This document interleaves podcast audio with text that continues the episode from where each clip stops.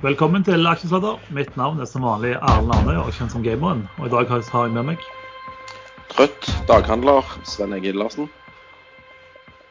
Og Erlend Henriksen, tidligere Jallekongen, nå Pharma-investoren Long Long. Og temmelig utslått, utslått, utslitt Reider Lars Branningen. Velkommen, gutter. Eh, denne valgvaken, Lars, den, eh, den foregår ennå, eller ut ifra stemningen på deg og Sven? ja, altså det ble jo en lang valgnatt. Jeg runda jo hele den. Og så fikk man vel en natt imellom med veldig god søvn. Og så plutselig så smalt det jo til eh, i går kveld igjen og begynte å skje ting. Og så måtte man få med seg litt, litt galskap fra Trump på pressekonferanse og sånn. Så det ble jo ja, ganske sent i hvert fall. Så, så litt underskudd på søvn eh, har man vel nok nå. Hva mener du med galskap fra Trump? Det var da helt naturlig normal tale å avholde uh, før valget er uh, ferdig talt opp? jeg hadde faktisk trodd bli, at han skulle være enda, enda mer uh, ja, brutal. Når jeg hørte hva sønnen var uttalte seg om krig og alt der, så, så, ja. Det kan vi komme tilbake til. Du da, Sven. Du, det høres ut som du har døgna siden onsdag. Nei, ikke så gale. Men eh, jeg sitter jo og følger med på disse eh, stemmetallene. Så, og de beveger seg jo i sirupsfart. Det skjer jo nada der bra. Jeg vet ikke hvordan de teller stemmer i USA, men eh, det, det må være veldig tregt. Så jeg sitter og nistirrer på, på, på, tallene. Du, du, vet, Sven, det er ganske enkelt. De, de, finner en blank stemmeseddel, så må de påføre et navn, og så må de løpe til postkontoret og få tilbakedatert stempla datoen, og så må de putte den i demokratenes hylle. Ikke sånn, ja? Så det er det faktisk veldig mange som det er det faktisk veldig mange som tror. Det er helt sjokkerende. Skal vi gutter, skal vi ta disclaimeren før, uh, før konspirasjons-Lars tar helt av? vi gir ingen råd. Dersom du hører på hva vi sier her om markedet, aksjer, enkeltaksjer og livet for øvrig, er ansvaret helt og holdent eget. Programmet spilles inn live, og feil kan forekomme. Panelet og panelets gjester kan være langt, kort, direkte eller indirekte eksponert i aksjer, selskaper og produkter som omtales i programmet. Sånn, eh, da har vi iallfall ryggen fri. Men vi kan jo, eh, vi kan jo starte litt med, med, valget i USA. Eh, vi teller nå fredag ettermiddag. valget er ennå ikke avgjort. Biden ser ut til å kunne vinne. Kan vi være enige om det? Ja. Både òg. For uh, hvis dette blir uh, såpass tight at uh, Trump A kan kreve omvalg, det kan man i alle stater hvor det er mindre enn 1 flertall. Om, om, omtelling. Nei, omtelling. Omtelling, selvfølgelig. Omtelling, ja, det var en forsnakkelse. B så kan han gå til domstolene. Hans advokat vil gå til domstolene, og da går det gjennom hele systemet fra laveste instans og opp til eventuelt høyesterett føderalt i USA, og de kan velge om de ser på saken eller avviser den. Og hvis de ser på saken, så kan de avgjøre litt forskjellig. Eh, forhåndsstemmer er lov i USA, poststemmer er lovlig. Eh, datoen for poststemplingen og når de ankommer valglokalene, det er der stridspunktet kan ligge. Eh, det er vedtatt i flere dels på delstatsnivå at poststemmer ankommet opptil flere dager etter valget ble avsluttet, skal godkjennes så lenge de er poststemplet før innen riktig dato innen valget. Og mm, men Høyesterett hadde en sak om dette før valget, hvor det ble vedtatt at disse skulle telle. Men eh, de konservative dommerne tok en liten dissens, hvor de sa at dette kunne tas opp igjen etter valget, for de hadde fått for liten tid til å se på det før valget. Så det er en midlertidig beslutning som kan overprøves, og da skal man ikke se bort ifra at øh, den nye konservative flertallet, med da den nye konservative kvinnelige dommeren, som tolker Grunnloven bokstavtro. Det er hennes helt tydelige budskap. At de kommer til å vedta at eh, alle stemmesedlene må ankomme valglokalene innen valgdagen, eller senest på valgdagen før de stenger. Og da kan ting plutselig snu helt rundt, og da kan Trump fortsatt være presidenten i USA. Ja, men Spørsmålet var vel at det ser ut til jeg er enig at det kan skje. Han kan faktisk også fortsatt vinne eh, valget på vanlig opptelling også. Eh, det kan skje, ja. det kan skje, det skje, men sånn, sånn, sånn, det ser ut nå, så ser i hvert fall uh, Trump ut uh, Nei, Biden ut å vinne. Disse bettingselskapene nå har jo nå 80 i odds på Trump, så hvis man tror at det er en reell sannsynlighet, så skal, burde man absolutt hive seg rundt og kjøpe noen lodd med 80 ganger gevinsten. ganger innsatsen. I, i, I, forhold til dette med poststemmer og datostempling, så minner det meg faktisk om eh, den gode gamle selvangivelsen i Norge. Når du måtte levere den, eh, eller poststemple den eh, innen en viss dato. Bare som digresjon, for de som husker så lenge siden. Når vi leverte den på papir. Nei, hva, mener du, hva, mener, hva, mener, du, med å levere på Jeg leverer fortsatt på papir, jeg. Det er ikke tull engang. Nei, det tviler jeg ikke på. Du leverer det til, til revisoren din eller regnskapsføreren din, og så fikser de resten? Nei, nei. Jeg fyller ut sjøl og har med vedlegg og Blyant og, og, blyant og viskelær har du òg? Nei, men case er hvis du har uh, gjort det greit og du har uh, masse restskatt, så skyver du jo på restskatten da, så du får ikke den før i, uh, langt ut på året istedenfor å få den i juni. Hvis okay. du leverer på papir. Det er, et, eh, det er et helt lovlig tips. Man må alltid søke om utsettelse hvis man vet man får restskatt. For da får man skatteoppgjøret til høsten og ikke til våren. Ja, eh, du trenger ikke søke om eh, Du kan bare levere på papir, for da får du det siste bolk uansett. Hvordan klarer du å levere på papir? Jeg trodde ikke det gikk an engang lenger. Du printer ut. Ja, Det skjønner jeg jo, men hvor leverer du det, liksom? Printer du og? Jeg sender den til Mo i Rana, tror jeg. Eller så er det Oslo. Jeg vet ikke hvor det er. Men det samme det. Det funker, det. Men, Bruker du men, sånn de... usynlig blekk? Nei, dette er helt uh, legitime opplysninger og korrekt i aller høyeste grad. Uh, det som er case, er bare at uh, hvis du skal betale 800 000 i restskatt, så er det kjipt å gjøre det i juni. Når du får litt ekstra av året å tjene opp de pengene på. Sånn at, det, at det, det, ikke smerter så mye. Sånn, ja. Nei, jeg husker bare fra en gang i gamle dager jeg var i butikken og handla. Og så det var sånn postkontor ja, ved siden av butikk. Eh, og så var det en fyr som kom dagen etterpå og prøvde å overbevise betjeningen om å tilbakestemple eh, selvangivelsen han skulle levere, så han ikke leverte den over tida. Men, men, det var en digresjon. Eh, men hvis vi da tar utgangspunkt i at Biden vinner, fordi det er ekstremt mange som har lurt, eller som spør eh, hvor bør man investere, eller bør man investere hvis Biden vinner, eller bør man bare selge alt og kjøpe gull og flytte til Bahamas? Hva, hva tenker panelet? La, la, oss nå ta utgangspunkt i at Biden vinner, så kan vi heller se på hva vi gjør hvis Trump vinner etterpå. Hva tenker panelet hvis, hvis Biden nå faktisk skårer med seieren i løpet av helga, som er sannsynlig? Skal vi starte med Lars? Ja, ja altså, jeg må bare si en ting. da, men Nå, nå tror jeg jeg ble beskyldt for å være liksom confirmation bias. for at jeg hadde en sånn, jeg hadde jo en, Min black swan var jo at det skulle bli kjempebråk etter valget. Uh, og, og, mye av det har jo på en måte spilt seg ut at det blitt ekstremt jevnt valg, og at da Trump kom til å Det varsla han vel egentlig før valget også, at han kom til å nekte å godta dette her. Men og, og, og, det ser liksom rolig ut akkurat nå. Men uh, altså, vi får vel se hva som skjer her. da. Det, det, det er mye gærninger der ute. og, han er jo ikke akkurat de som Trump-familien er jo ikke akkurat de som lar, lar være å hisse opp disse eh, gærningene. Så vi får vel se om, om hvor pent og pyntelig det her blir eh, over helgen, hvis media nå erklærer eh, Biden som, eh, som vinner. Men, men, men, det ser ganske rolig ut. for Hittil så ser det ut som de, de andre republikanske politikerne og den biten her har liksom ikke kasta seg på det verste, det verste hylekoret der. da. Men eh, hvis jeg skal ta Biden-aksjer ja, altså, Det har jo vært snakk om at han vil ha gjennomført en stor infrastrukturpakke. Eh, så det er jo interessant. Og en veldig satsing på eh, fornybar. Eh, så det er jo også interessant i, i, i USA. Så skal man huske på at akkurat sånn som det ser ut nå, og vi kommer jo tilbake til valget, er jo at Biden ser ut til å vinne, men republikanerne ser ut til men det er langt fra sikkert å vinne Senatet. og Det betyr at republikanerne kan hindre Biden i å gjøre mye av de tingene han ønsker å gjøre. Bare så bare så det er sagt om. Så kanskje det blir liksom Biden light. Men hva, hva aksjer ser du på, eller hva sektorer ser du på, hvis han vinner nå? Ja, så for, Fornybar sa jeg, og, og det som går på infrastruktur. og så har det vært snakk om, hvis, hvis han fikk gjennomføre i sitt budsjett eh, helt og holdent, så har det jo vært snakk om at da blir det altså enda mer pengetrykking og underskudd og stimulanse. sånn sett. Eh, og da har jo en del snakket om Eh, av type verdiaksjer, kanskje bankaksjer og litt sånt der, pga. at de tror kanskje at renten vil begynne å gå opp, og det blir lettere for de å ja, ta ut marginer. Erlend, hva tenker du? Hvor, eh, hva investerer du i hvis eh, Biden vinner? Eller går du cash og graver deg ned i, i bunkeren din på fjellet? Nei.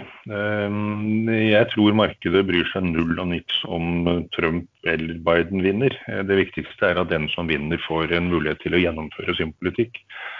Hvis det blir en sånn sitting duck-situasjon hvor eh, presidenten ikke får gjort noen ting fordi eh, han ikke har flertallet i verken Huset eller i Senatet, da, det er det aller verste. Og det er, det er nok det markedet frykter litt nå, at eh, Biden kanskje ikke klarer å oppnå flertall i Senatet. og Da, da blir han sånn halvvingeklippet, men ikke helt.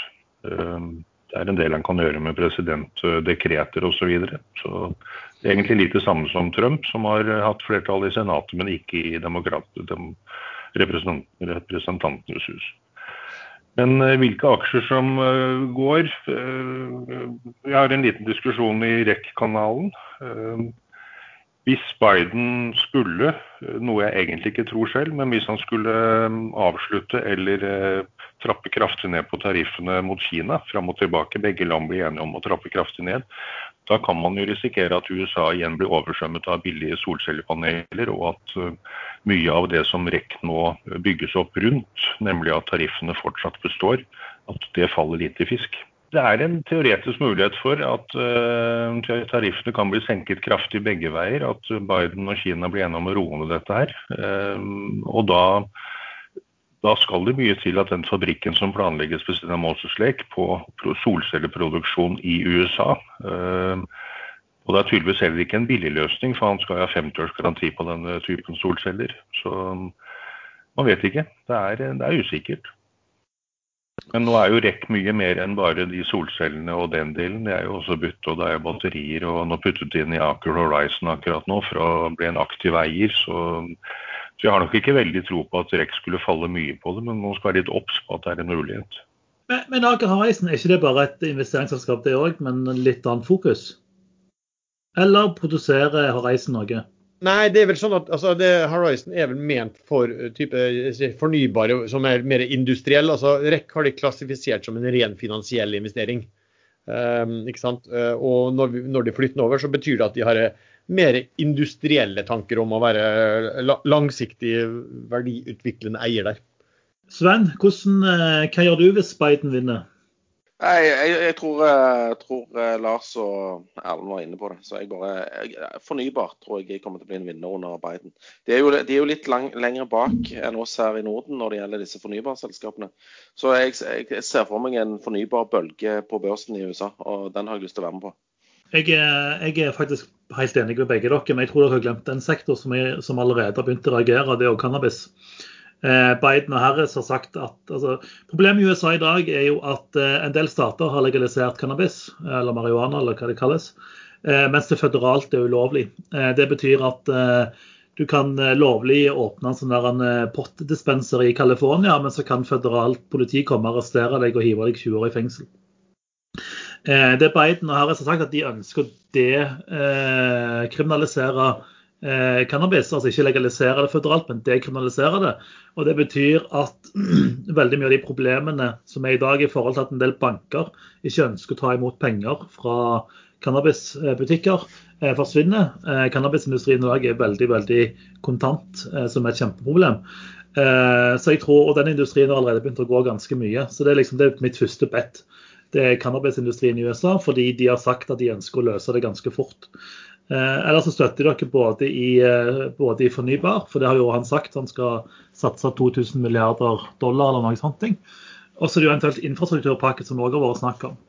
Eh, nå ser jeg at Hvis vi ser på opptellingen så langt, så har jo Demokratene huset, men Senatet så er det 47-48. Så det, de kan få Senat òg, altså. Men det står Foreløpig så har de ikke det. Ja, bare, bare en ting, for Jeg er litt usikker på om jeg forsto Erlend Henriksen riktig, men han sa at markedet frykter at Biden ikke kan få øh, fullt flertall på alt. Men øh, altså, det er vel sånn forklaringen, Nå har det jo vært en, en veldig oppgang. faktisk begynte jo faktisk før valget og etter. Forklaringen i hvert fall fra, fra en del aktører er jo at det er nettopp det at Biden ikke får fullt flertall. Altså at republikanerne beholder Senatet, og at det blir øh, delt makt. For da, da da, da, blir det mer som business as usual. Det vil ikke skje de store eh, endringene. Du, du, de, de, de, helt på venstresiden av det demokratiske partiet vil ikke få gjennomslag. Um, det, skatteøkning blir vanskelig. for eksempel. Altså, det, det er sånne ting. Og så kan det jo være noe at nå har du snudd da i Georgia, og det gjør da sannsynligvis at der blir det to, to altså ny, ny, Der blir det faktisk omvalg, sånn som det står nå, eh, på to senatorplasser.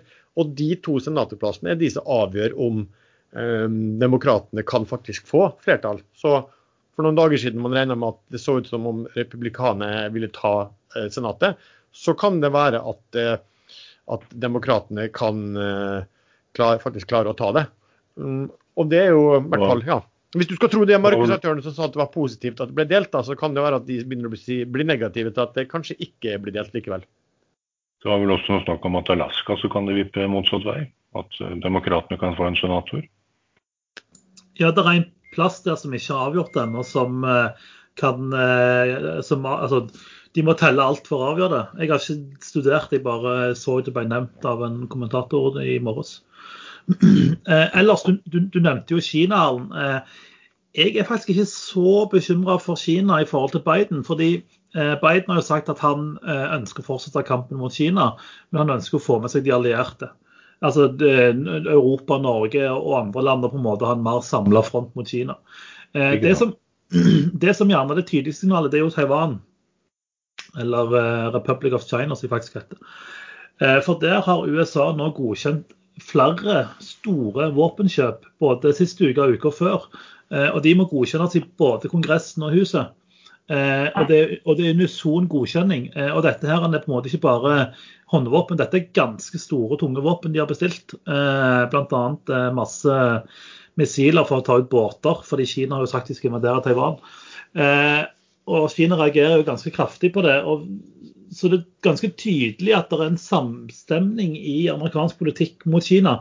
Fordi det å godkjenne på en måte salg av så tunge og så mye våpen til Taiwan, for her snakker vi ganske mange titalls milliarder dollar, det betyr at ja, du gjør ikke bare det fordi Trump er president, du skal på en måte ha et parti som er ganske unisont enige. Så jeg, frykter, altså, jeg har helt frykta at Biden-seier, for jeg trodde det ville svekke kampen mot Kina. Men akkurat nå så tror jeg faktisk at uh, det ikke har så mye å si.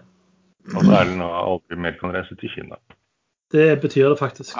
Ja. hadde det ikke vært mye billigere for, for Taiwan å kjøpe de våpnene fra Kina, da? Det er jo rett i nabolag, liksom. jo, det hadde jo det, uh, men Mye kortere leveringstid òg, vil jeg tippe. Løs krutt, med løs krutt. Kina men, kan jo bare sende de rakettene per luft. per luft. ja, det er godt Nei, jeg tror ikke kinesiske våpen uh, de, lager mye, de lager mye fyrverkeri og greier, da. Ja, de, kinesisk våpenindustri sliter med kvaliteten, faktisk. det er kopi, basert på kopiering, så da blir det faktisk ikke så bra. Uh, men, men, Iran er vel kanskje et land som er veldig fornøyd hvis Biden vinner. For da kan vel det være at Jeg vet ikke om han kan på egen hånd oppheve der, eh, ja, alle sanksjoner og, og få reinnsatt den der, uh, tidligere, tidligere planen den dealen. Jeg, jeg Hva gjorde Trump? Var det et dekret, eller var det Senatet som uh, han fikk med seg på det? Veldig usikker. Godt, spørsmål. Tingen med Iran er jo at Israel og Nei, eh, ikke Hamas, men uh, hva heter den etterretningstjenesten? Mossad har jo gått bananas i Iran de siste månedene. Så spørsmålet er hvor mye de får lov å holde på videre. Altså Iran sliter jo uh, fordi det er mystiske branner og eksplosjoner eh, overalt. Eh, så jeg vet ikke hva Biden planlegger med Iran, men Iran er ganske knestående akkurat nå. Det kan ja, det... være bad for, bad for oljeprisen eh, ja. hvis det oppheves sanksjoner rundt forbi. Men eh, det kan ja.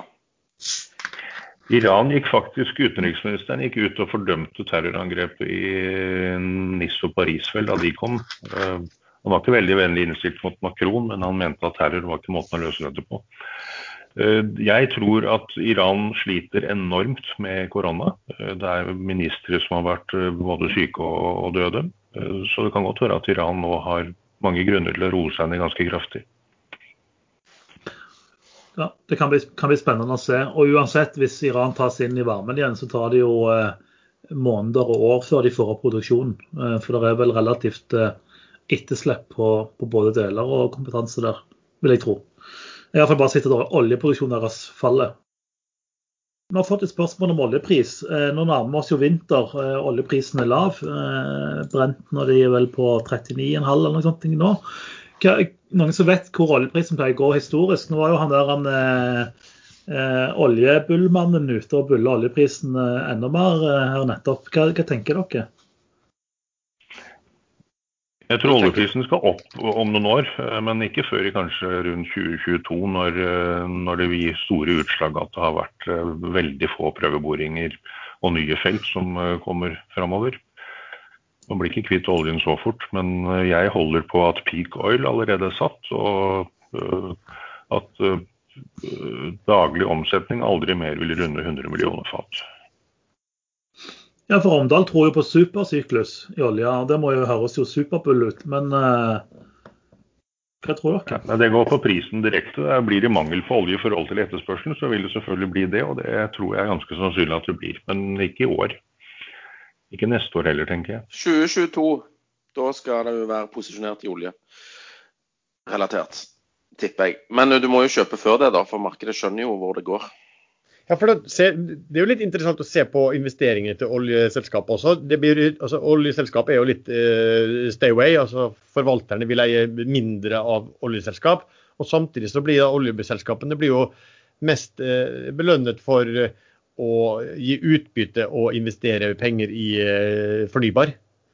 Så det kan godt være altså jeg har ikke oversikt, men det kan godt være at det, at det blir gjort altfor lite investeringer. Sånn har det jo ofte vært tidligere. at i gode tider så så blir det investert altfor mye. og så I dårlige tider så får du altfor lite, og så får du disse her sykeløsene. Så det kan godt være at det, um, at det der kan, kan, slå til virkelig. Og så er Spørsmålet også USA, da, på Shale, hvis de får en president som er hva skulle du si, ikke, ikke sånn veldig vennlig innstilt eh, til Shale. Ikke at han skal kutte det og sånn, han vil vel kutte at de skal få bore på føderalt, eh, føderale landområder sånn sett. Jeg vet ikke om det betyr noe som helst, men, men i hvert fall det er i hvert fall en president i så fall som er mer opptatt av å stimulere fornybarsatsing enn eh, satsing på um, egen olje- og gassproduksjon.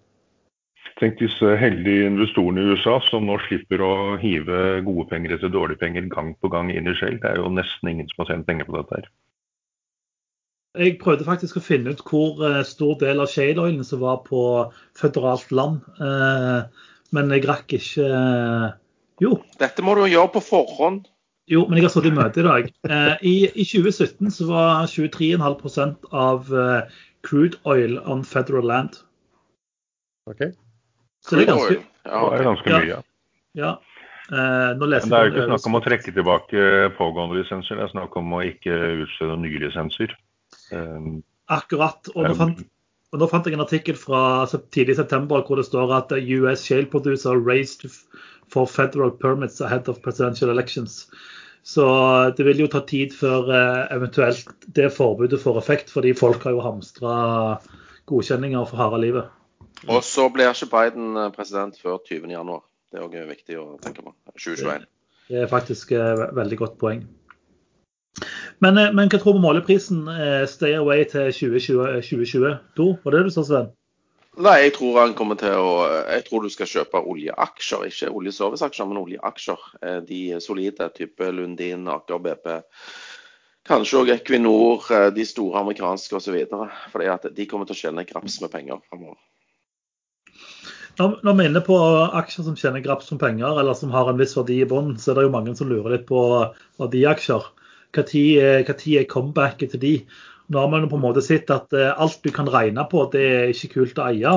Eh, kan du ikke regne på en aksje, så skal den bulles herfra til månen. Eh, hva tenker dere om verdiaksjer? Var vi ferdig med oljeprisen? Ja, Vil du si mer om oljeprisen? Nei, men kanskje Lars ville si noe? Han har jo sagt noe. Vil du si noe mer, Lars? Beklager hvis jeg avbrøt deg. Eh, nei, altså det er, det, er, det er, så vanskelig å forholde seg til. Det er så mange, er så mange momenter som spiller inn på oljeprisen. Erlend er jo inne på én ting. Liksom, har vi nådd peak oil? Og så er det helt riktig som Sven sier også, at det, det ser fort gjort at man, Investeringslysten er i hvert fall ikke stor. Og det kan åpne for at du plutselig får en sånn ny sånn supersyklus med, med, med ja, manglende eller høye oljepriser. Da. Men det, Men det, kan, det kan være den siste? Ja, ja, det korrigerer seg jo fort. ikke sant? For høye oljepriser medfører da alltid investeringer og kanskje overinvesteringer i ny produksjon, og så har du det gående. De skrepper jo så enormt med rigger nå rundt forbi, og det er jo veldig bra for eh, riggsektoren. Men da får du en oljepris som da er plutselig 100 dollar igjen, så begynner de vel å bygge nye, og da, ja, da er det Da må vi ligge langt. Uff, ja. Da er det 0-0 uavgjort, og takk for meg. Men vi kan ta, kan ta nullen din etterpå, Sven. Men uh, la oss ta Jeg skal ikke, jeg skal ikke bulle null uh, i dette programmet. Nei, så bra. Uh, men verdiaksjer, hva, hva tror vi om verdiaksjer? Altså hva, hva er en verdiaksje? Hvorfor, hvorfor stiger ikke verdiaksjene sånn? De bør jo ha en verdi. Det er fordi renta er null. Det har vi jo sagt til det kjedsommelige. Jo, men det er bare derfor verdiaksjer ikke er kult å eie, liksom. Det er derfor Ja. det Neddiskontering av eh, kontantstrømmer og alt dette her som Lars og, og meg var inne på her i forrige episode, var det. Det er bare å høre på det. Dagens sponsor er som vanlig IG.com. IG.com er en stor internasjonal nettmegler som er notert på børsen i London. Ja, vi har jo snakket mye i episoden om eh, valget i USA og uroen knyttet til hvem som, hvem som kommer ut som, som i presidentvalget, og også i de ulike, altså Kongressen, Senatet. Men Erlend, jeg forstår at du har vel handlet en hel del på IG de siste dagene. Kan du si litt om det? Ja, det, det stemmer. Jeg, eh, I like med deg har jeg jo solgt meg ned for å på en måte ta ned risiko. Men så ønsker jeg òg å på en måte prøve å spille på risikoen. Eh, så jeg kjøpte litt bjørneprodukter på, på, hos min vanlige megler, og så kjøpte jeg en del eh, indekskjørt turbovåren spiker. Eh, og Hovedgrunnen til det er at eh, IG har en fantastisk åpningstid. Eh, fordi eh, det er greit å kunne komme seg ut av produktet nesten hele døgnet. Eh, og så er det òg alltid en eh, motpart. For jeg irriterer meg alltid når jeg går ut av produkt og det er ikke en motpart, men spiker er en motpart. Så jeg, jeg begynte med, en, med shorter, indeksshorter i USA. Fordi alt skulle jo ned. Vi skulle jo ha mest en borgerkrig. Eh, men så skjedde jo ikke det. Eh, så da snudde de til long. Og så har jeg drevet og småtradet litt eh, long og short. Og akkurat nå så kjører jeg noen indeks long turbovarens på IG. Så jeg, jeg syns det har fungert ganske greit, altså. Jeg, jeg liker åpningstiden og, og muligheten. Og at du kan velge mengden giring. For jeg har jo kjørt litt giring på dette, jeg har jo ikke kjørt bare én tegn. Men man kan jo fortsette å trade, da, for, fordi valget er jo fortsatt ikke avgjort, og det kan fortsatt bli uro. Så du kan fortsatt eh, trade masse på, på volatiliteten som valget bringer. Eh, Du kan da også shorte eller gå lang eh, større globale aksjeindekser, over 16 000 aksjer. Du kan også trade i valuta. Dollaren vil jo påvirkes av valgutfallet, så du kan trade det mot euro, mot pund f.eks. Og du kan også trade ja, gull og andre råvarer ved hjelp av CFD-er, barriers, vaniljeopsjoner og turbo warrants. For mange så tenker du litt hvordan skal jeg på en måte posisjonere meg rundt valget og eventuelt uro som kommer. Eh, hvis du går an pike.com, så skriver de en del om valget, og de skriver på en måte litt hvordan du kan posisjonere deg og hva, hva utsikter de tror kommer. Så det kan være et bra tips for mange hvor, eh, hvis de ønsker å prøve å spekulere spesielt på den politiske biten som skjer nå. Eh, hvis du går an på ig.com eller følger linken i podkasten, så kan du opprette en konto eller en demokonto, og så kan du prøve. Nå nærmer seg jo kanskje vaksine. Håper. Eh, og det er jo mange som prøver liksom posisjonere seg på hva, hva bør man eie når vaksinen kommer, og på en måte vi får kontroll på koronaen. Nå vet vi ikke om vaksinen kommer i desember, eller om den kommer i januar eller juni, juli 2023, liksom. Men selv når det kommer en vaksine i løpet av de neste seks månedene, hva, hva sektorer kan det være lurt å på en måte se på når en vaksine nærmer seg? Det må jo være de sektorene som ligger døde nå. Eh, type reiseliv, restauranter, eh, hoteller, til dels næringseiendom. Eh, alle de som har blitt banka ned i, i støvlene pga. at folk må holde seg hjemme. Transport. Transport. Ja, transport. Det, det er litt sånn Ja. Eh, jeg vet ikke hva du tenker på da. fordi at Biltransport f.eks. i UK har jo tatt seg kraftig opp fordi at folk ikke reiser kollektivt. Så eh, det har liksom Ja. Men transport, selvfølgelig. Andre? Fisk? Fisk, ja. Ja. Hvorfor, hvorfor, ligger fisk, eh, hvorfor ligger fisk med brukket, Fisken er død. OK. Nei da. Det er jo fordi at, eh, at de bransjene som man nå har ramsa opp, og spesielt restaurantbransjen, da, eh, ligger nede. Og folk går ikke ut og spiser. Og folk gidder tydeligvis ikke å sløye fisken sjøl og, og, lage laks og, og torsk eh, hjemme. Så det blir, det blir, konsumert mye mindre fisk enn, enn det pleier da, pga. covid. Jeg, jeg gjorde mitt bidrag i går. Jeg spiste lettsaltet torsk med eggesmør. Eggesmør? Eggesmør det må man ha på lettsaltet torsk. Fantastisk. Hva er det? Er det samme som Sandefjordsmør? da? Ja, Du smelter smør, ikke bruner, må bare smelte. Og ha øh, hardkokte egg som du koker på forhånd, og lager små terninger av små biter i sånne eggedeler. Ja, det er øh, fantastisk for lettsaltet torsk. Men, men, vil ikke egentlig fiskebransjen øh, eller oppdrettsbransjen være en ganske safe bet? da? Altså, tenker, Hvis du tenker fly, flybransjen i forhold til vaksine, så sliter de jo med absurde lån og, og, sånne ting. Og hotellbransjen sliter jo, de vil jo slite lenge til folk begynner å reise igjen. Men er ikke kanskje fiskebransjen en, en tryggere plass å gå inn i, siden de faktisk driter penger? Vi skulle ikke kalt den for sjømatsektoren, liksom, for å høre litt mer proffe ut. jeg vet ikke, jeg har ikke peiling, jeg. Jeg er jo gameren. Det er jo du som er daytraderen sjømatsektoren da, Sven? jo, det kommer jo disse massasjekrabbene også inn i bildet, da. ja, det er sjømat, det òg. Nei, men eh, se på Movi. Vi omtalte han i forrige episode òg. Uh, nei, nå er faktisk opp en ti år siden sist uke. Eh, men han er ned sånn rundt 30% for året. Og det er ganske heavy. Så det kan godt være at det er lurt å kjøpe, kjøpe oppdrettsaksjer og eh, sjømatsektoren generelt.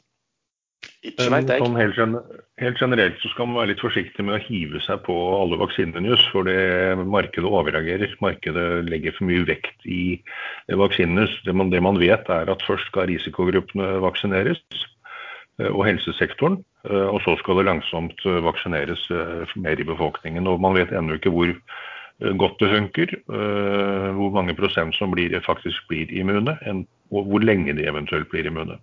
Så det kommer til å bli masse ups and down, eh, downs med negative nyheter og avvekslende positivt. Så jeg tror faktisk at man kanskje heller skal følge med på testene, hurtigtester. Nå kommer det nye hurtigtester som, som ligger an til å i løpet av 15 minutter å kunne si med veldig høy nøyaktighet om det er smittet eller ikke.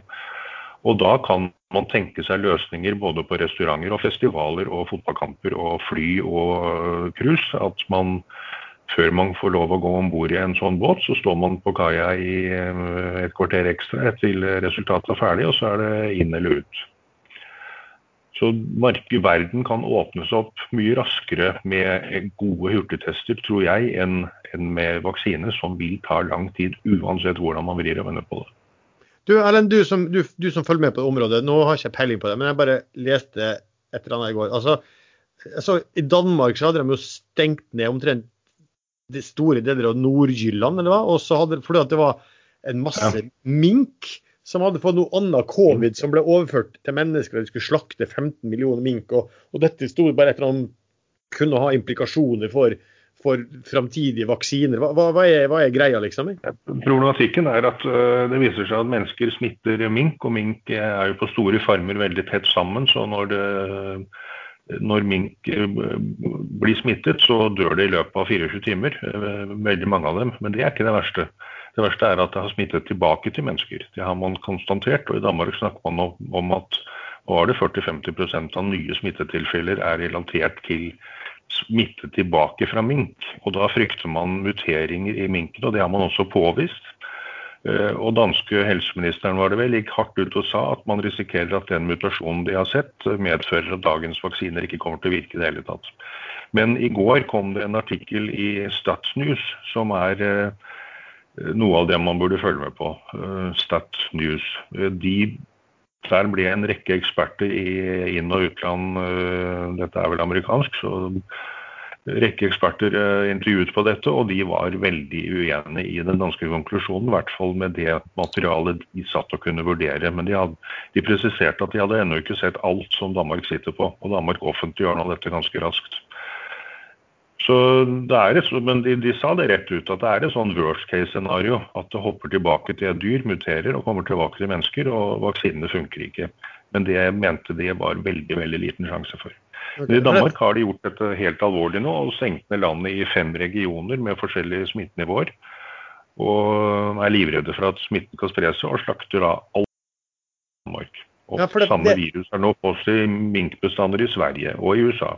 Ja, for, det, for det, altså det, viruset der det muterer hele tiden. ikke sant? Og, og litt som, Eh, bitte små endringer hele tida. Det har vel gjort at de kunne si at dette, denne mutasjonen har det som har vært i Italia, og denne har vært der og der, og litt, litt annerledes. Så det er jo ikke noe sånn spesielt å reagere på. Men, men, er det noe sånn at det er spesielt farlig hvis det muterer tilbake igjen? Nei, det kan være eh, ikke spesielt farlig. Det er det er andre, andre, mutasjoner som kan forekomme i dyr, for de har litt andre reseptorer osv. Så, videre, så det kan være en tilfeldig farlig mutasjon. Okay. Det kan også være at det plutselig kommer en veldig mild mutasjon som sprer seg og begynner å dominere alt. Da, så det kan slå begge veier. Mm. Men det, det, virker jo som at det minker veldig på minkbestanden rundt omkring i verden. da. Og eh, Er det noen gode minkaksjer man kan kjøpe? Ja, De som har stort varelager av mink. Mink, sånne, ja. Minkpels. Mink er det last, last, mink standing, liksom? Det kommer til å skje en graps. Unngå one night stands med damer med minkpels. Hvorfor det? Jeg tror ikke jeg skal ta en oppfølging på det. Nei, jeg tror vi legger den til. Men, eh, men, men altså, jeg, jeg, leser om den her, altså Danskene skal jo slakte hele minkbestanden. så det er jo faktisk, altså, det er jo dette er jo levebrød til en haug med mennesker, så det er jo faktisk ganske kritisk. Eh, jeg tror ikke man skjønner litt på Berger hvor kritisk det er når de velger å, å slakte alt eh, som finnes eh, i Danmark. Men, eh, men, alternativet er jo mye verre, da. Så Sven, du hadde en oppfølgingskommentar, så jeg. Begynte å lyse opp om bildet ditt. Nei. Nei, jeg, jeg, jeg, jeg er tom. Du er tom, ja? Er det, er det, noe nytt du har funnet ut, eller? Jeg har ikke mer å tilføre minkdiskusjonen. Nei, det, det minker litt på, på Det, det minker veldig. Man vet jo at virus kan hoppe fra en dyreart til en annen, og det er veldig sjelden. Men koronaviruset hoppet jo fra flaggermus til mennesker, så det vet man jo skjedde. Og den svinepesten i Kina eh, som kom fra Afrika, det er også et koronavirus. Men en annen type, og det vet man også at har hoppet tilbake til mennesker. Så hele underliggende problemet er at menneskene beveger seg inn i områder på kloden, i jungel og osv. hvor vi aldri skulle vært. Eh, og det finnes noe sånn som 850 000 virus eh, blant disse forskjellige dyrene rundt omkring i, i regnskoger osv. som ennå ikke har spredd seg til mennesker. Så, så vi utfordrer skjebnen litt for mye. Vi må, vi må faktisk endre livsstil ganske kraftig.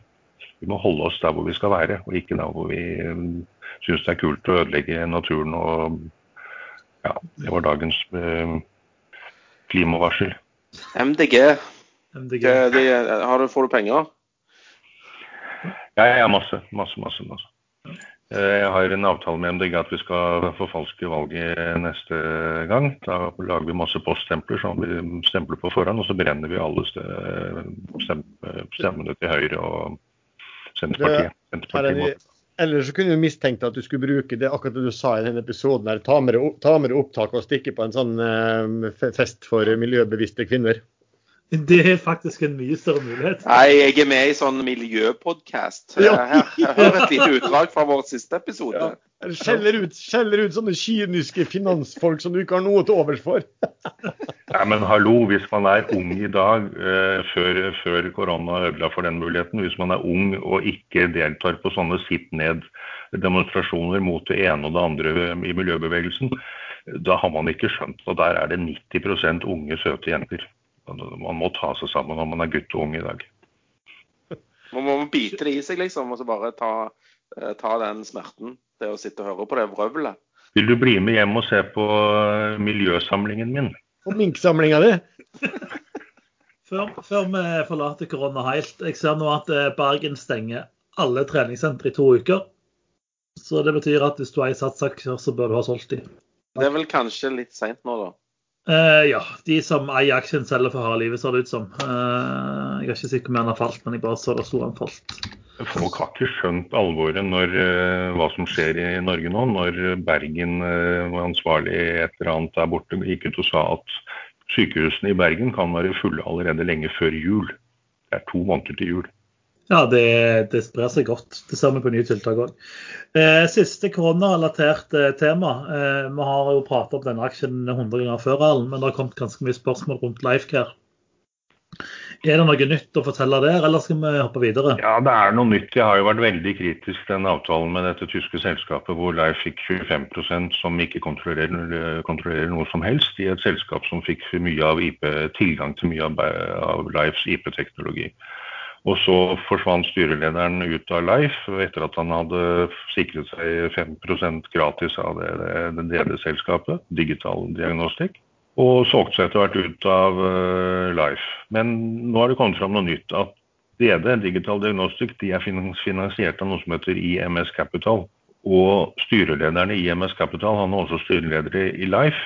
Uh, og han er, hvis ryktene stemmer, så er han nå arrestert fordi han er omgangsvenn i kretsen rundt uh, Wirecard, var det ikke det?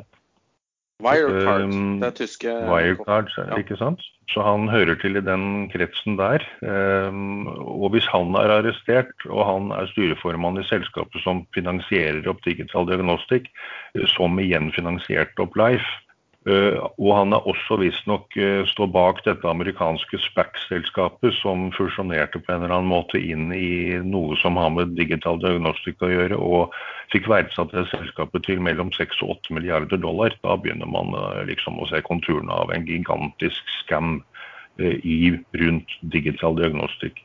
Og så er spørsmålene om dette strekker seg inn i Life og resten av dagens styre og ledelse der. Og jeg er veldig skeptisk. Det er dritt eh, er stort sett ikke heftet til én i et sånt selskap. Hvis det skjer sånne ting, så er, har resten av styret godkjent transaksjonene. Og de sitter der fremdeles, og de har ikke reversert eller gjort noen ting. Det, er, eh, det lukter vondt. Men det er veldig trist hvis denne glukosesensoren til Life eh, faktisk skulle vise seg å ikke virke eller aldri bli noe av. For det ville gjort verden mye enklere for sukkersyke.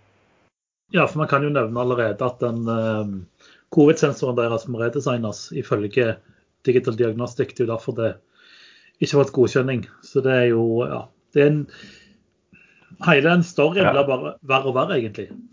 Men det er en annen type sensor som brukes eh, for den covid-sensoren enn denne, enn denne glukosesensoren, så det henger ikke nødvendigvis sammen.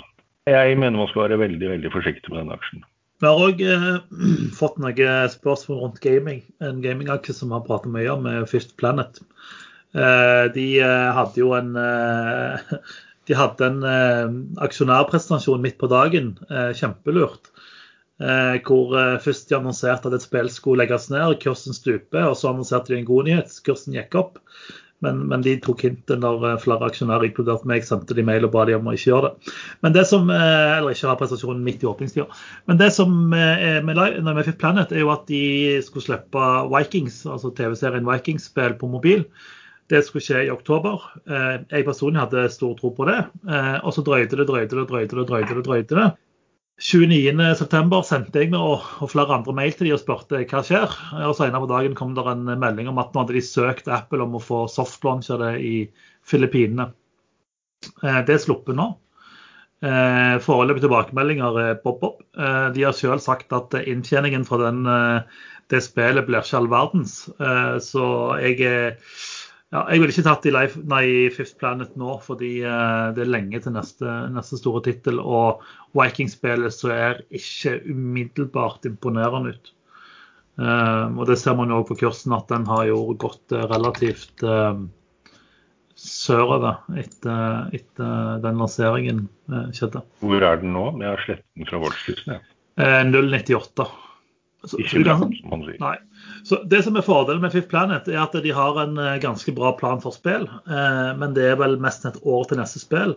Den planen sier de er fullfinansiert. Eh, så det er en ja, Jeg ville plukket opp aksjen en gang i april-mai neste år. og putte den tilbake på watchlist, for da begynner man å nærme seg nye ting. og Da kan man òg se om de har klart å tjene noen penger på Tintin og, og Vikings, som har vært utfordringer hele tida.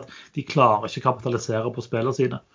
Eh, og da, ja, da er det ikke mye verdt i aksjen så lenge du ikke klarer å tjene penger. Det var en ganske interessant diskusjon på, på ekstrainvestor eh, som traff fall deg, Arne. Det var eh, vi, vi, satt jo i cash, eh, du satt mer cash enn meg, i, i, februar og mars. Og diskusjonen gikk liksom på hva, om det var dumt å sitte i cash når oppturen starter. Eh, nå vet vi jo at eh, Lars, du har gått veldig i cash før, før valget. Men, men, hva tenker panelet? liksom? Er det, er det dumt å gå cash når det er urolig? Eh, eller går man glipp av mye av oppturen eh, som, kom, eller som plutselig kan komme, som da kom etter mars, og som nå kom ganske kjapt på, eh, ja, på, på valget. Altså, de, ingen forventa jo oppturer omtrent dagen før valget var, men, men nå er jo oppturen her tydeligvis allerede. Men, men, hva tenker ja, dere? Altså, I og med at du begynte å nevne meg, jeg, jeg gikk jo i cash for tidlig. Jeg var jo sikker på at koronakrakk i mars ville komme allerede i februar. Så da gikk jeg sånn sett glipp av ting, men da satt jeg klar når det kom. Men jeg skjønte aldri at krakket sluttet så fort som det gjorde heller. Så jeg, jeg var ikke med på oppturen i, i, i, markedet, men jeg var med på oppturen i disse koronaaksjene, som fortsatte rett i himmels, flere av dem eh, langt ut i april-mai. Men det var jo litt blanding av flaks og uflaks og alt, så gikk det bra til slutt. Men det er veldig vanskelig å time når et sånn krakk eventuelt kommer, og det er enda vanskeligere å time når det treffer bunnen og snur opp. Hva tenker du Lars, du har jo på en måte gått uh, mye cash mot valget nå. Ja, det, det, der er jo også alltid litt interessant. fordi det, det, er jo en litt sånn litt markedstese det der med at uh, det er så vanskelig å time opp- og nedganger i det generelle markedet at du beste er kanskje bare å være der. På mange måter, Det var jo litt en diskusjon, det var noen som skrev, og det er i og for seg sant at nå gikk jeg mye cash mot valget, og så begynte da altså børsen å gå noe voldsomt eh, allerede vel dagen før valget, under valget og, da, og nå dagene etter valget. Så, så, det var sånn Hvor mye smerter det deg å se at, eh, at markedet går? Og da var litt sånn egentlig ikke, fordi at nå gikk jeg såpass tidlig cash, og det falt jo en del før det begynte å gå opp igjen. Det også, men det er litt at visse tilfeller så kan du si at du, du er litt Hvis du selv er i villrede, og for min del altså, så kjøper jeg jo aksjer og ikke indekser, for å si det sånn. Så, og Hvis du selger i villrede, hva skal du sitte i, hvordan bør du sitte i, du kanskje vurderer risikoen litt annerledes, sånn og sånn, så er det liksom helt greit å sitte i cash. Altså Om da, om da børsen går som sådan, og, og når jeg sa at jeg gikk i cash, så sa jeg at det, er vel fort en bra sjanse, er fordi at, at, når jeg begynner å kjøpe meg inn igjen, at jeg må kjøpe etter høyere pris eh, i de aksjene jeg har solgt i. Da får man heller se på det litt som en sånn eh, Eh, hva skal vi kalle det, forsikring på det. Så det, det er ikke lett å time altså, er liksom, ikke lett å time at det skulle komme en markedssmell. Mitt case her var vel egentlig bare at jeg var såpass, altså både, både, både litt pga. covid, hva som skjer der, og så har du muligheten og så for meg at Trump kunne lage et kjempebråk. Og så, så var det sannsynligheten for at det blir noe opptøyer og sånt er liten, men hei, why risk it? Det, det, det, gjør ingenting å sitte i cash og se at uh, indeksene går. Det, det, kommer alltid til å være muligheter i, i aksjer når du kommer uh, tilbake igjen i, inn i markedet med pengene. Og for min del så skjer det kanskje fort utover. Jeg er litt spent på hva som skjer uh, nå i helgen, eller starten av neste uke. Hvis det er sånn at generelt sett at Biden blir erklært seier, og ja, hvor, hvor rabiate folk blir eller ikke blir. Du da, Sven. Altså, du har jo gjerne en eh, kortere horisont enn oss andre. Men eh, hva tenker du rundt det å være i cash eller ja, hedge mot nedtur når, når, man tror det er nedtur på gang? Er det bra eller dårlig? Jeg, jeg, jeg tok selv ned risiko i forkant av valget. Jeg hørte jo på Lars, og han pleier jo å si mye lurt. Uh, sånn at uh, jeg skylder alt på han uansett. Men uh, jeg, ble så opptatt med å følge med på valgresultatene at jeg hadde ikke fokus uh, dagen etter valget, f.eks. Jeg, jeg skjønte ikke hvorfor aksjene bare gikk til himmels. liksom. Dette ser jo helt fastlåst ut. Uh, så jeg ble bare sittende og se på det, både aksjekurser og valgresultater. Så, men det gjorde meg ingenting at det gikk til himmels, men jeg forsto ikke helt hvorfor. Og jeg forsto ikke helt hvorfor det fortsatte opp. Bortsett fra teknologi, da, hvis markedet indiskuterer Biden-seier, så, så forsto jeg det. Men uh, ja. Nei, jeg, jeg, jeg, jeg, sitter og følger med, og så prøver jeg å forstå litt. Og så forstår jeg ikke alt. Og så jeg er like happy likevel. Og i dag er det jo fredag òg i tillegg.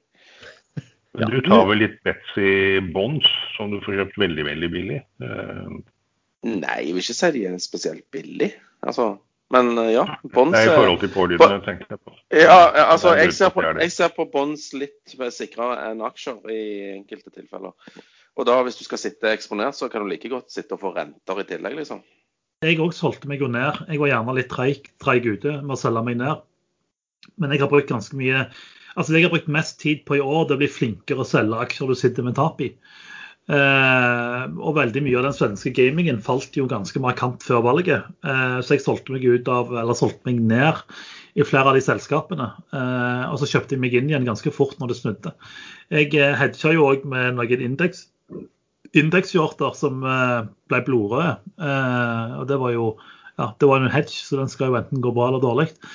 Eh, men når jeg så markedet snudde, så bare kasta jeg, jeg meg inn igjen i gaming og fikk veldig hyggelige snitt på, på flere av favorittselskapene mine, altså Embracer og, og Paradox.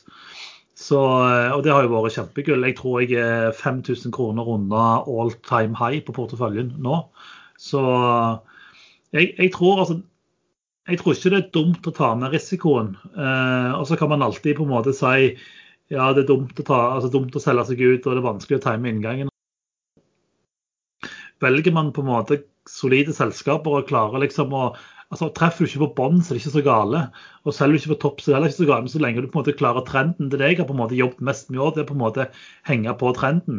Eh, og da tjener du jo penger til slutt. Eh, eller iallfall Det har fungert for meg, da. Eh, Nå har jeg ikke truffet topp, jeg har ikke truffet bånn helt, men jeg har på en måte truffet rett retning, og da blir det noen prosenter her og noen prosenter der. Ja, jeg skulle bare si det kom en melding nå om liksom, sosial nedstengning av Oslo. Stenger alle treningssentre, alle kinoer, alle teatre, alle svømmehaller, alle lekehaller og lignende. Vi vil vurdere å stenge steder der det foregår kultur- og fritidsaktiviteter inne.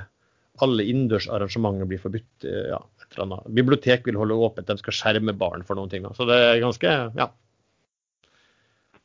Nakstad var veldig tydelig på nå eh, at det er ikke pga. økt testing man nå ser mange flere tilfeller. Eh, Når man eh, tester nå, så er det en mye større prosentandel av de som blir testet, som faktisk har korona, enn det var i mars. Så det er, det er, selvfølgelig dukker det opp flere tilfeller når man tester flere, men nå er det reelt veldig høy smitte i befolkningen. og det er ikke bare det er ikke som i, i, vår, når det var hovedsakelig klynger i gjerne Oslo og noen andre storbyer. Nå er det spredt over hele landet, også i Innlandet. Eh, Der var det vel eh, over 50% av alle testene kom tilbake positive. Så det er en helt annen situasjon, grunnlag for koronaspredning nå enn det var den gangen. Og det, det har faktisk blitt prognostisert allerede før denne koronaepidemien eh, traff verden i januar. Eh, WHO og Bill Gates Foundation osv. de hadde en sånn scenario, eh, en sånn tredagers eh, hvor de kjørte gjennom en potensiell eh, pandemi. og Da brukte de koronavirus som eksempel, og da skjedde akkurat det som skjer nå. Det kom først en kraftig bølge, og så rotet det seg ned. Men det ble aldri borte, fordi koronaviruset er ikke som influensavirus. Det blir ikke borte om sommeren. Eh, Det blir bare færre tilfeller fordi folk er mer ute og mindre inne, trangt sammen osv. Så, så det som skjer nå, det, det kan man lese om i dette scenario 201, eller jeg husker ikke helt nøyaktig hva det heter, men i hvert fall noe med 201. og Google opp på Bill Gates og WHO og pandemi, så finner man det. Og det scenarioet det ender ikke helt bra. Så, så man skal være litt obs på at dette her kan spre seg noe voldsomt i samfunnet nå. og Det kan være at vi er så uheldige at det kom, spredningen kom før vi hadde vaksinene klare. Event 201 heter det. Eh, Det er John, Hop det er John Hopkins Center for Health and Security, World Economic Forum, Bill and Melinda Gates Foundation og et par andre som har gjort denne pandemi-eksersisen. Bare sånn for å vise hvor alvorlig situasjonen er nå. Um, I Belgia er det allerede dokumentert at over 1 promille av befolkningen er døde pga. korona. Det er én av 1000. Uh, Men det som er nå, uh, etter at uh, korona var mer eller mindre helt borte i Belgia i sommer, hadde en liten topp i august, og så forsvant det helt i slutten av august og begynnelsen av september. Nå er det 0,7 promille av hele befolkningen ligger på sykehus med covid. Det er helt ekstremt. 0,7 av 1000 ligger på sykehus med covid. Da er kapasiteten sprengt. Det er ingen, ingen land som har forberedt seg på eh, sånn type smitte- eller sykdomspandemi. Eh, og dette sprer seg nå til alle land. Eh, og jeg kan ikke se hvordan de skal klare å stoppe det nå uten en fullstendig lockdown. Men børsen går og går. Jeg satt og så på Børsen går, ja. snakket der, så, altså OBX-en siden vi hadde vår forrige innspilling forrige fredag, så er vel OBX-en er vel opp en rundt 4% altså Oslo. Dachsen, Tyskland, er jo opp en 7-8% eller noe sånt. altså Helt vanvittig sterk eh, økning sånn sett. Så det er andre ting som overstiger akkurat nå. Men, men når man ser på, på en måte børsen Nå var jo I USA så driver de jo krangler om ny eh, redningspakke, eller ny eh, ja, jeg vet de kaller det, koronapakke. Eh, og Pelosi var ute og sa at eh, demokratene nekta å stemme den igjennom før valget, for de vil ikke gi Trump en seier. Eh, og så er det jo helt tydelig at den pakken er dramatisk eh, sterkt behøvd i USA, fordi det er folk der borte som er tomme for penger. Eh, nå er det vel håp om at den pakken blir stemt gjennom ganske fort, for valget er jo snart ferdig. De må bare telle disse siste, siste stemmene de finner overalt. Eh, så markedet kan jo gå på at den pakken vil dytte enda mer penger inn i, inn i økonomien. Eller hva tenker dere? Hvorfor går markedet, liksom? Sorry, jeg var opptatt med å legge inn ordre i aksjer her, og i OTC-aksjer. Så eh, jeg ble litt stille. Um, eh, Lars, bare kjør på. Jeg, jeg forsto ikke spørsmålet. Nei, det var, det var, litt eh, hvorfor markedet går. Nei, jeg, Personlig er jeg litt sånn perpleks på at det går så mye. Men det har vært sånn, man har snakket om det før, at det har delt makt eh, mellom aktørene. Det har vært positivt. Eh, og så har man trodd at det blir slik. Og så har det vært sånn at i hvert fall det at her blir det ingen skatteøkning. Det er klart, det er jo, det er jo viktig for bedriftene i USA. Um, jeg vet ikke, husker ikke hvor mye han, han satte jo skattetrykket en hel del ned, Trump. og Biden har jo snakket om å reversere det. og Det betyr jo mye på, på inntjeningen, det. Og så er det noen som mener at det liksom har vært en betryggende utvikling. altså utvikling av Kanskje markedet har frykta verre ting. Eh, hva som skal skje, eh, skulle skje etter valget. Men vi er jo rett bak valget, for å si sånn. Det er jo, det er jo ikke avklart ennå. Eh, og så ser jeg forresten også, Når du snakker om den krisepakken, Erlend, så sier jeg bare at uh, Nordea de tror da det, at den neste krisepakken kommer til å bli mye mye mindre enn hva man hadde trodd. Eh, også litt fordi at hvis, nå, nå er valget gjort, og, og, det var vel noen som sa da at eh, republikanerne med, med, en gang det kom en ny president, så kom de til å skifte fra å ikke bry seg om budsjettunderskudd i det hele tatt, til å være veldig opptatt av det. Ikke sant? Og, og det er vel litt sånn at altså, Jeg vet ikke om de har, føler at det er politikere, om de føler at de har noe å vinne på å komme med en sånn pakke nå. Det, det, politikere de er ikke så, for å være litt slem, mitt syn, de er ikke så veldig opptatt av alltid hva folket trenger der og da, men er opptatt av hvordan de selv skal posisjonere seg for eh, ja, posisjoner og, neste valg og hva det måtte være. Jo, men tror du ikke altså I USA så det er det såpass mange som ikke har inntekt, at uh, hvis de ikke kommer med denne pakken som gir folk mer penger, så vil jo folk sulte. Det er jo det som er utfordringen til USA nå. Men jeg vet ikke, jeg kan, jeg kan ta feil. Ja, bare... Det er ikke bare det, men det er uh, disse stakkarene som mister jobben sin. De mister også sykeforsikringen sin. Det er jo double bad. Så, så jeg, jeg, ser ikke helt hvordan demokratene kan på en måte la være å stemme gjennom. Altså, Republikanerne kan jo hevne seg og på en måte blokkere pakken alt de kan, men jeg ser ikke helt hvordan demokratene kan eh, på en måte bare la være å hjelpe folk. For i USA virker det ganske bad. Og det er jo relativt mye uroligheter i landet allerede. Altså, det er jo en del byer som har hatt opptøyer i 150 dager snart. Så det, du skal liksom ikke fyre på den bomba for mye, for det smeller skikkelig. Jo, om det er to parter da, som står utrolig langt fra hverandre, og sånn er jo det er sånn splittelse i USA at det nesten hater, det to, de to partene skal altså bli enige med hverandre og må gjøre om å kompromisse ikke sant, for å få en pakke. og Det er jo akkurat det. Kompromiss er jo det man ikke får betalt for i USA i dag. Ja, Nei, det er helt, helt sant. Dagens episode er også sponset av selskapet Bikefinder AS. Selskapet er et norsk teknologi- og softwareselskap som selger en sjekkerløsning for å spore sykkelen din.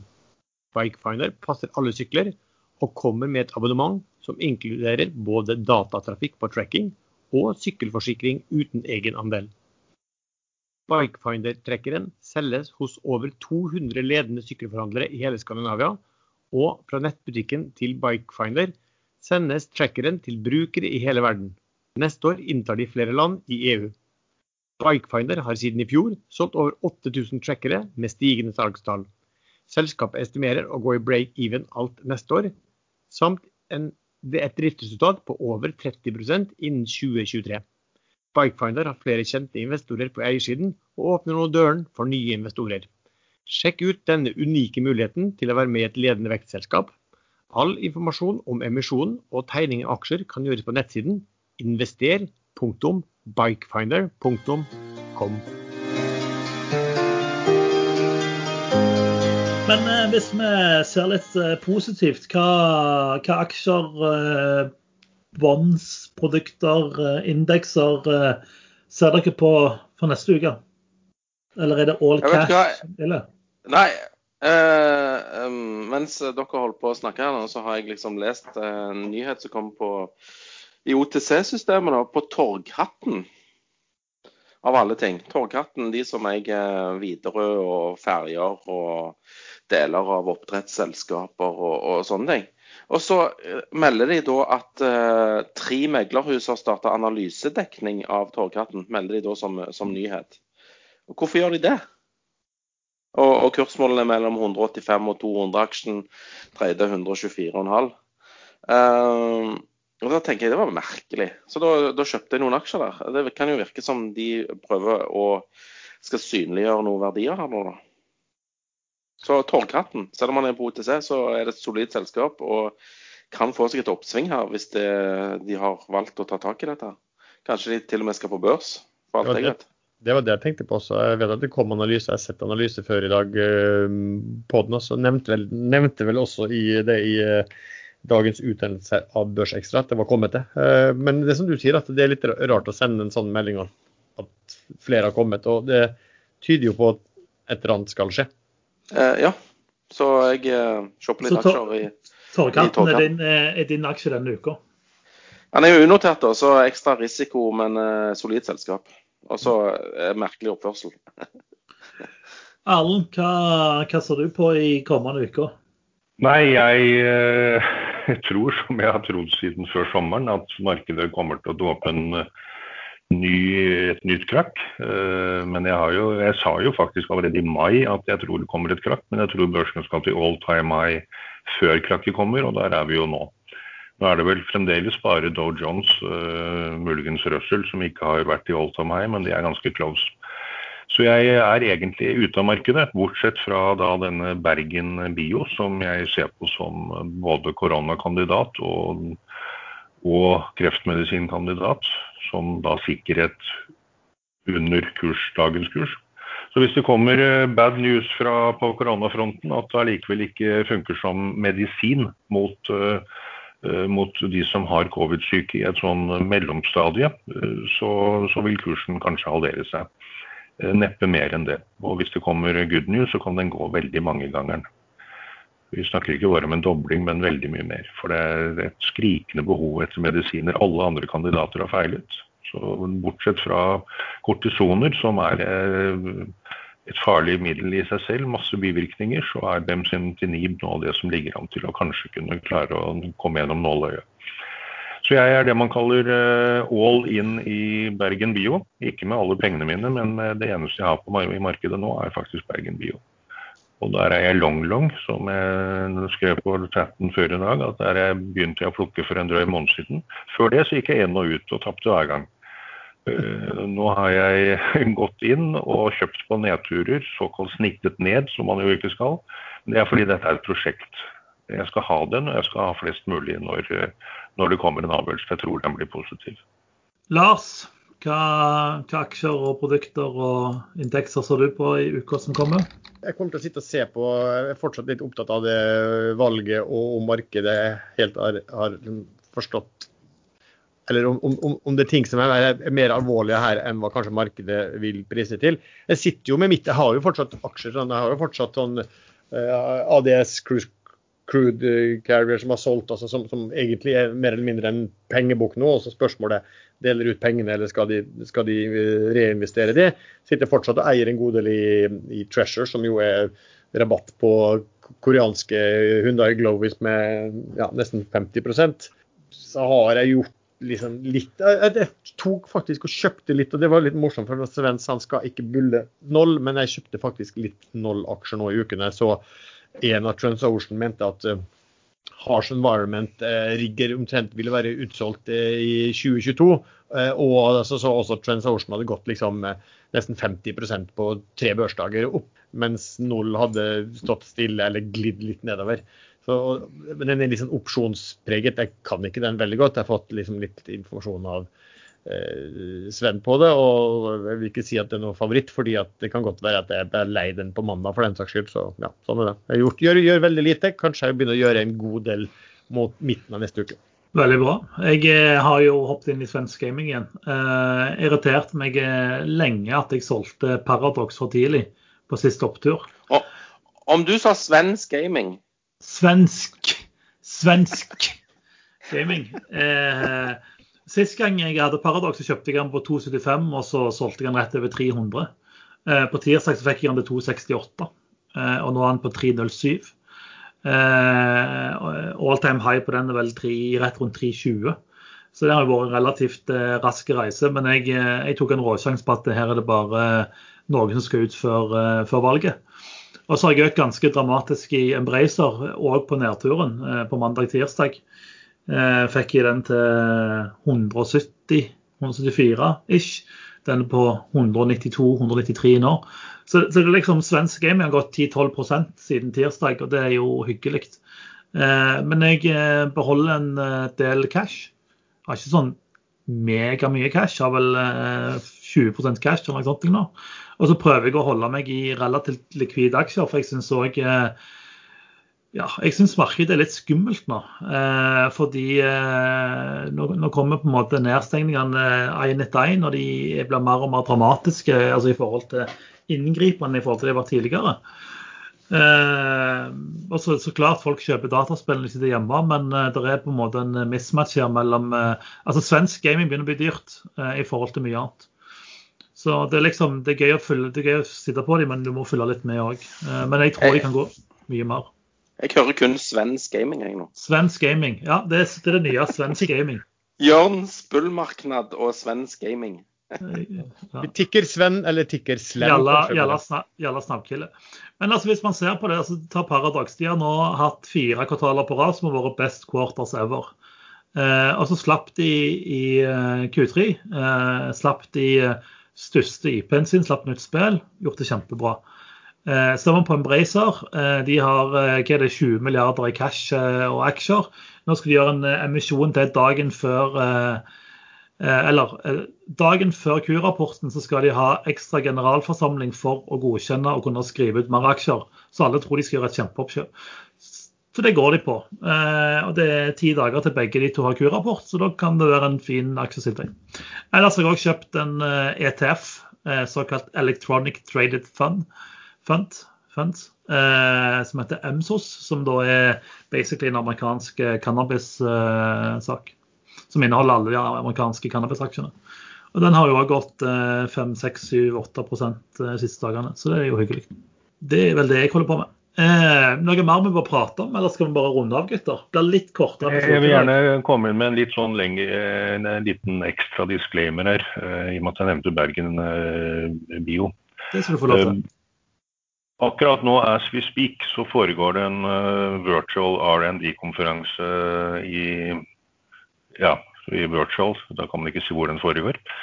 Um, den begynte klokka ett og varer fram til klokka fire, halv fire ca. Uh, og da tar man opp uh, alle forskjellige aspektene av eh, Bemsentinib, hva det kan brukes til. Og det er jo denne AXL-reseptoren som den jobber rundt. Og det er en egen spesialavdeling i Den begynner ved klokka 14.30, tror jeg. Om, om, virus, om såkalt enveloped virus, enveloped, som som Bemsemtenib har vist virkning på, både mot ebola og zika, og de regner med samme mot korona. Det ser man, eller mot covid. Det ser man nå ganske snart. Det kan selvfølgelig slippes noe nytt på den konferansen, men da hadde det vært børsmeldt allerede, så det har jeg ikke noe tro på. Kursen har steget noen kroner de siste dagene, og det kan jo være en pump før noen plutselig dumper nå fordi man bare ville tjene penger på forventningene til konferansen. Men det, det bryr jeg meg ikke så mye om egentlig, for den vil hente seg inn igjen. Det man venter på, det er en analyse fra bl.a. Arctic, som det snakkes om. De har fått en ny analytiker, og det er vel han som var gjest i vårt spesialprogram på Pharma. Han skal bare, han skal bare handle litt aksjer først. uff, uff, uff. det er ikke bra, dette Arctic-greiene. Men han, er, han, gjør nok ikke det. Han hadde aksjer, men han solgte vel da han begynte i Arctic? Det er korrekt. Han solgte alt sammen. Det var Lars. Flink kar, Lars. Mm. Veldig flink. Vi burde fått han med. Så han, han, er jo i stand til å skjønne hva som blir sagt på denne R&D-dagen. Så han vil nok vente på den før han kommer med sin oppdaterte analyse på Bergen Bio. For å få med seg alt både om kreft og om covid. Og han vet hva som blir sagt, og han evner å formulere seg på en måte som vi skjønner. Når jeg leser disse børsmeldingene fra Bergen Bio, jeg skjønner rett og slett ikke bæret. Men jeg leste en, et annet utdrag fra noe jeg ikke visste om før. De, de forsker nå også på Bemsentinib mot, mot, det som gjør at man blir blind når man har sukkersyke. Og det er en veldig, veldig vanlig sykdom. Sukkersyke, og veldig vanlig, eller altfor ofte, at folk blir blinde. Så det mye tyder på at Bemsentinib også funker mot det. Og hvis dette også blir børsmeldt som et satsingsområde, hvis det ikke er det allerede. Jeg må innrømme at jeg kan ikke alle detaljene rundt Bergen Bio. Så, så er potensialet sky high også på det. Men vi har jo denne vaksineproblematikken, eller en, som Bergen byaksjonær må man kalle det problematikk, for det er en direkte konkurrent til medisiner. Kommer det en melding på mandag morgen før børsåpen om en eller annen vaksine som plutselig nå er klar og skal begynne å distribueres i enorme antall allerede nå umiddelbart, så vil selvfølgelig Bergen Bio falle kraftig. Jeg tror det kommer til å gå over ganske fort, og det kommer til å hente seg igjen. Fordi man kommer fort til å skjønne at man trenger medisiner parallelt med vaksine i mange år framover. Men da selger jeg mandag morgen på åpen, muligens. Så long-long betyr ikke at man er dum og sitter og tviholder på en aksje som plutselig fikk en bad news midt i trynet. Da kan man selge og trede og prøve å finne en bedre inngang. Det var det jeg ville si om den saken. Veldig bra. Sven og Lars, har dere noen avsluttende ord før vi tar helg? Nei, det skal bli godt å sove snart. Ja, det Jeg gleder meg, gleder meg til de er ferdige å telle der borte. Det, det er en lettelse. Meg og Lars spøkte litt om at ja, du må huske å ha med tekst om valgvake i Børsekstra. Men jeg tror ikke vi hadde planlagt at valgvaken skulle vare til fredag. Men jeg, jeg heier på deg, Sven. Det er snart, snart helg. Snart er de ferdige i Nevada. Da eh, vil vi bare takke for alle som har lytta til denne episoden av eh, Aksjesladder. Eh, følg oss gjerne på eh, podkasten på Facebook. Eh, eller Børsforum på Facebook. Alternativ på Aksjesladderkanalen vår på Ekstrainvestor. Eh, husk å gi fem stjerner på Apple Podkast. Musikken er laget av kjørs.com. Og da takker vi bare for at du lytta, og ha en fin helg.